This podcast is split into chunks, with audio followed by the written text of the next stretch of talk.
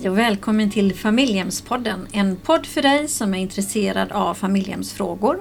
Du kanske själv arbetar inom familjehemsvården, har varit placerad inom familjehemsvården eller uppvuxen tillsammans med familjehemsplacerade barn.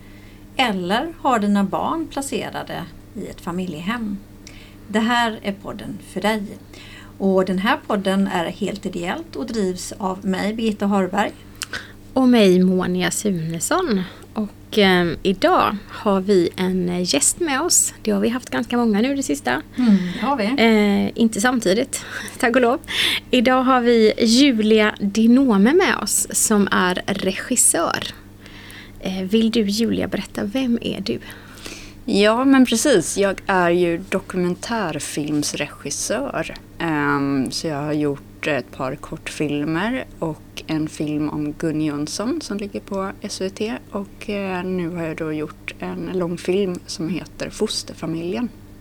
Coolt. Vad... Uh, det är ju en lite självklar titel men uh, lite kort så att vi inte avslöjar för mycket. Men vad handlar filmen om? Ja men exakt. Um, det handlar om min barndom. Um, uh, för ungefär 30 år sedan då. Mm. Um, om hur det var att växa upp som biologiskt barn i uh, en fosterfamilj som det då hette. Nu heter det ju familjehem. Mm. Men det handlar också om mina föräldrar uh, och hur allting startade. samt om min fosterbror.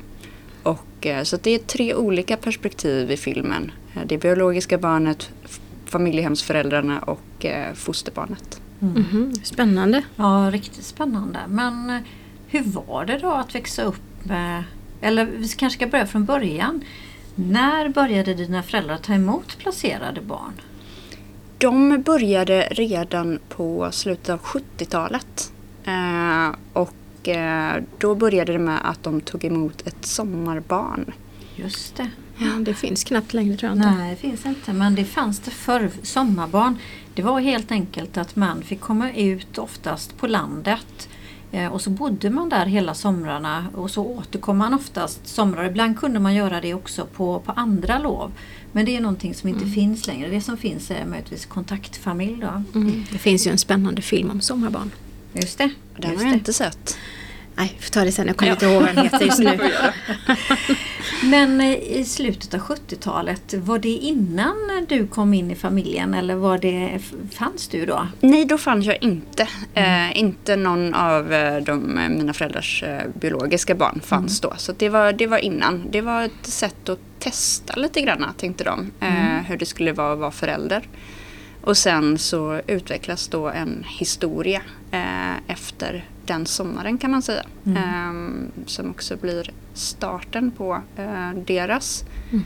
familjehemsresa kan man säga. Ja. Um, så det innebär helt enkelt att du, du vet ingenting annat än att växa upp med fostersyskon? Nej, när jag, eh, när jag föddes 1983 eh, som yngst av tre biologiska barn eh, så hade mina föräldrar redan eh, placerade barn hemma. Så att det, var, det var allt jag visste. Och jag tyckte att det var jättekul. Ja. Verkligen. Jätteskoj. Eh, sen visste jag inte så mycket annat men jag, alltså det hände ju massor hemma. Eh, så det var det roligaste. Alltså det var inte en stilla sekund. Eh, barn överallt, eh, utflykter, ehm, ja, eh, stora middagar, många barn. Mina föräldrar hade upp till fem placeringar. Samtidigt? Under, under ett tag ja. Mm -hmm. mm. Så det var ju Ja, mm. det var huset på gatan som det alltid hände saker i kan man säga. ja. Men du, eh, du var fem barn placerade samtidigt? Vi, som mest. Som mm. mest mm. och så tre biologiska barn? Ja. Men det måste väl ha betydit att dina föräldrar de var hemma på heltid båda två eller jobbade de också? Nej men precis, det, det utvecklades på det sättet att eh, de var hemma eh, båda två. Um, men vill man veta mer om det så får man se filmen. Ja, det är klart. Vi ska inte spoila den. Men det, det är ju jättespännande för, för idag kan man ju inte ta emot fem, fem eh, familjehemsplacerade barn. Utan eh, hur är det nu igen Monia, du som kan det här? Oj, oj, oj, nu höll jag på att sätta en tupp i halsen. också? Ja, precis. Känslig fråga. Eh, Har man mer än fyra barn så måste man anmäla det. till Socialstyrelsen, IVO ska man anmäla det till. Mm, precis. Precis, så man kan det faktiskt. Ja, man Man kan kan, ta emot fem, Ja. men man måste anmäla att man har mer än fyra. Men det är väl några av de sakerna som faktiskt är annorlunda då, som har förändrats Ja. eh, sen, sen den tiden jag växte upp. Ja. Precis. Men du, det, det är ju lite spännande. Hur kom det sig att du kom på eh, den här idén att du skulle göra en film om din barndom? Det var inte så självklart faktiskt, men jag satt och gick igenom massa arkivmaterial för ett annat projekt. Eh, och då började jag titta på eh, sådana här hemmavideos som min pappa hade spelat in. Och jag började väl tänka på det där att gud vad idylliskt och härligt eh, det ser ut. Och eh, kom också på att jag har det här mantrat av att säga att min barndom var så lycklig. Den var så lycklig, den var så lycklig och det var lyckliga bilder. Men så kände jag samtidigt att det där var ju inte helt sant. Det var någonting annat som liksom skavde lite granna. Och eh, började undra varför vi aldrig hade pratat om det. Och vad de andra i min familj kände och, och, liksom tänkte kring det.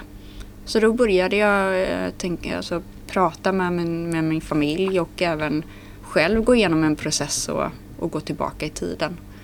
Um, för, också för att jag kände väl inte att det fanns um, så mycket... Jag, jag, min barndom var inte representerad i media på det sättet utan det man hörde om fosterbarn och fosterfamiljer det var väldigt, väldigt negativt alltid och, lite svartvitt sådär.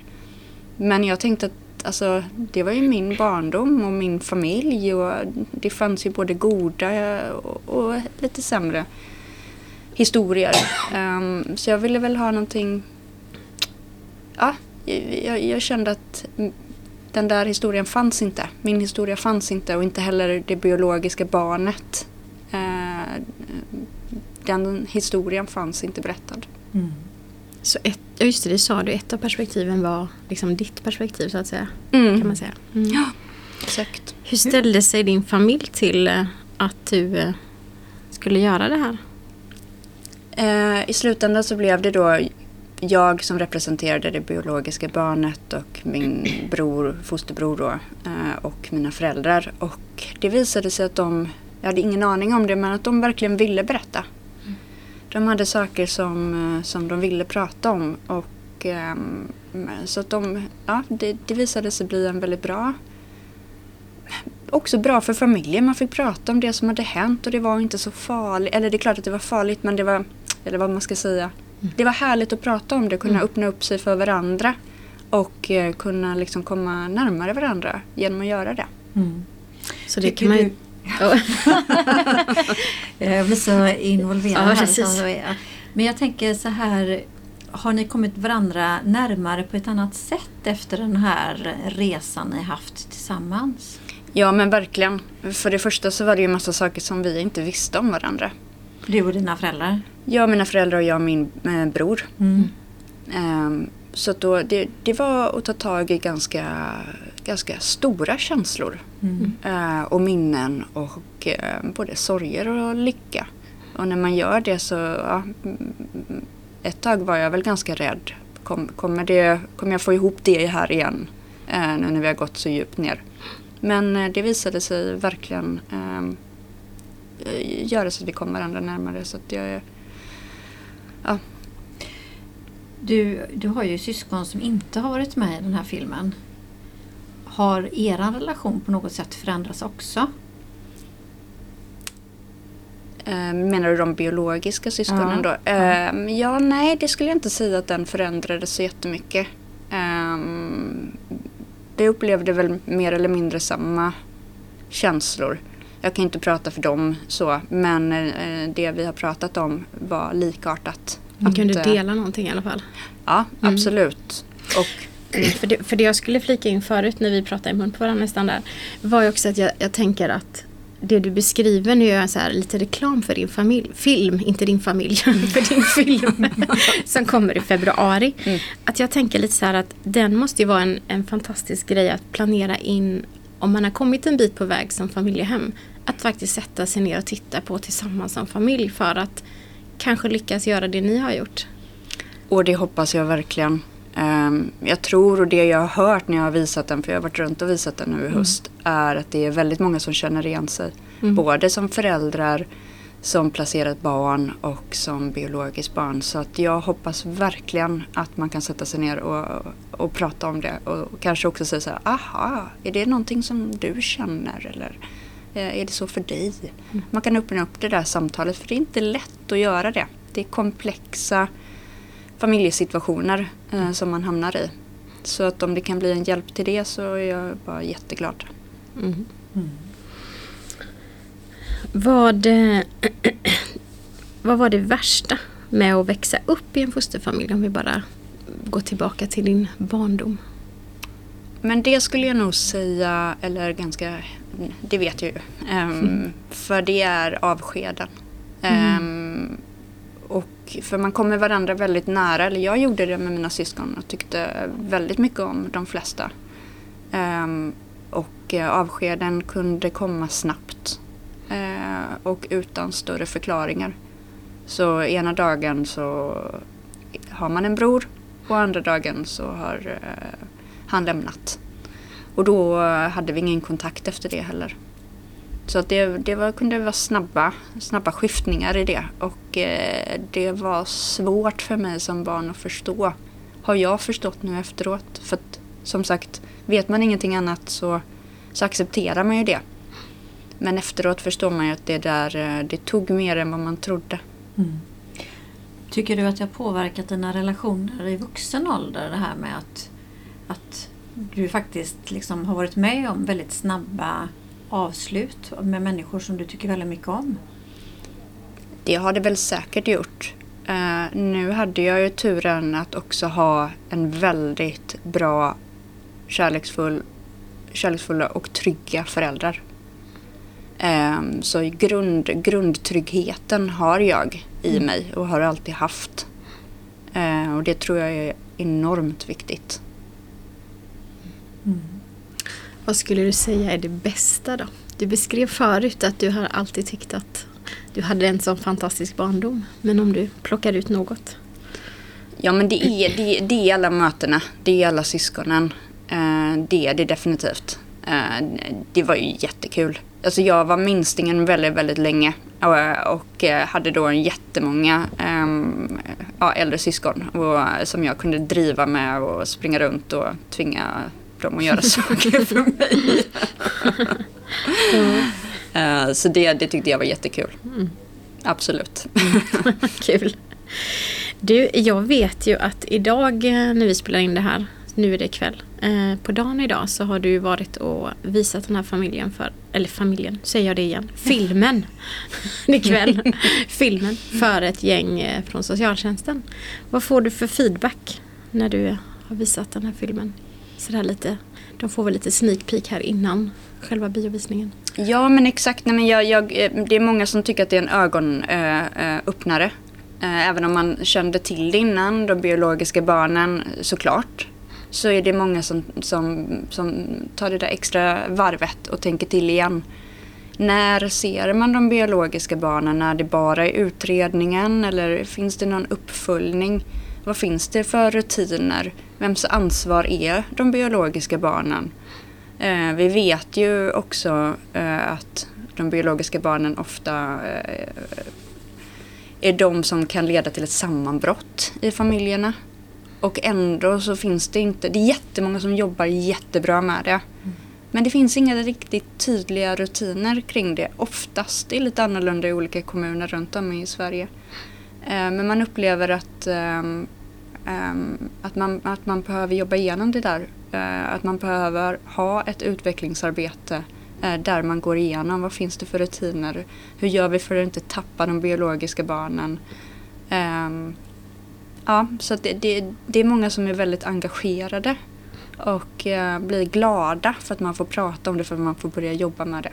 Men det är också väldigt tydligt att det finns ett arbete att göra där. Ehm, jag trodde att det hade kanske skett mer på de här 30 åren än, än, än vad det hade gjort.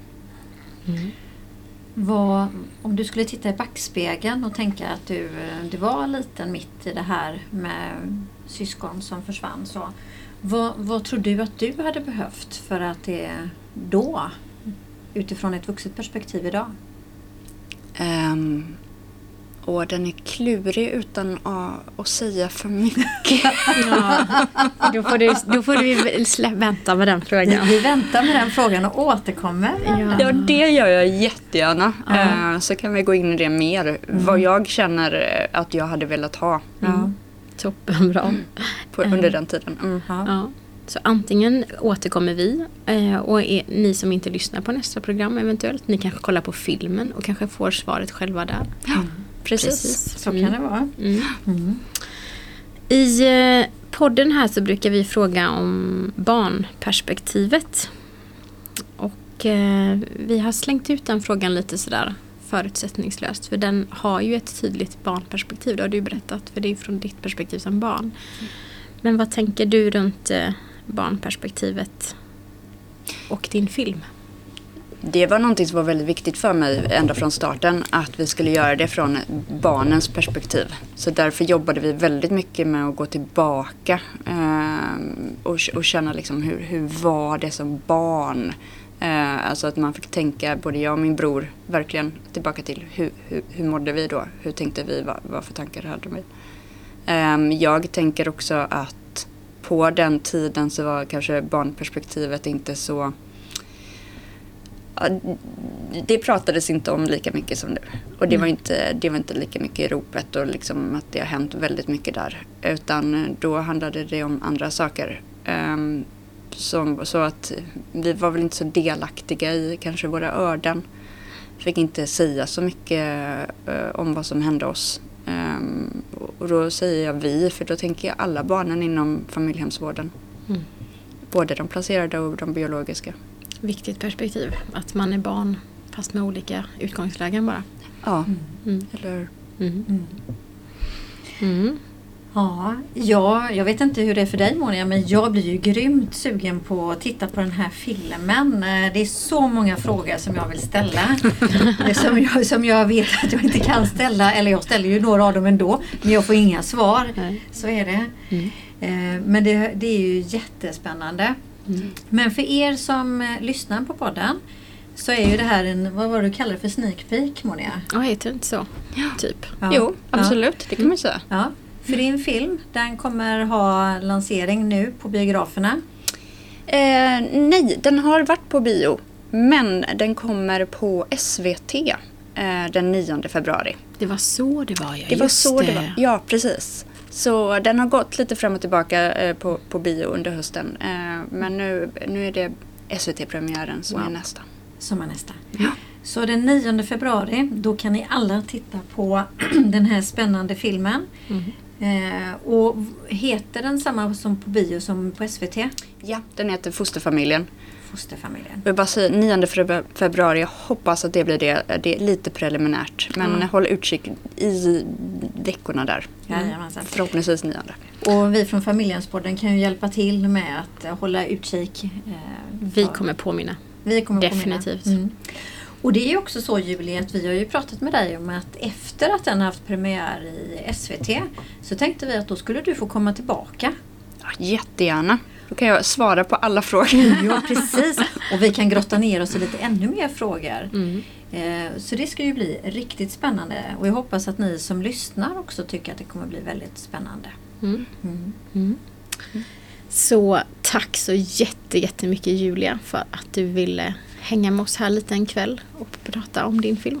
Tack själva för att jag fick komma hit. Mm. Självklart. Mm. Eh, och lyssnare, följ oss jättegärna på Instagram och Facebook. Och vi har även en hemsida där ni kan lyssna på alla tidigare program. För det kan man faktiskt inte göra på, på, eh, på de här olika apparna där poddar finns. Där finns bara de senaste.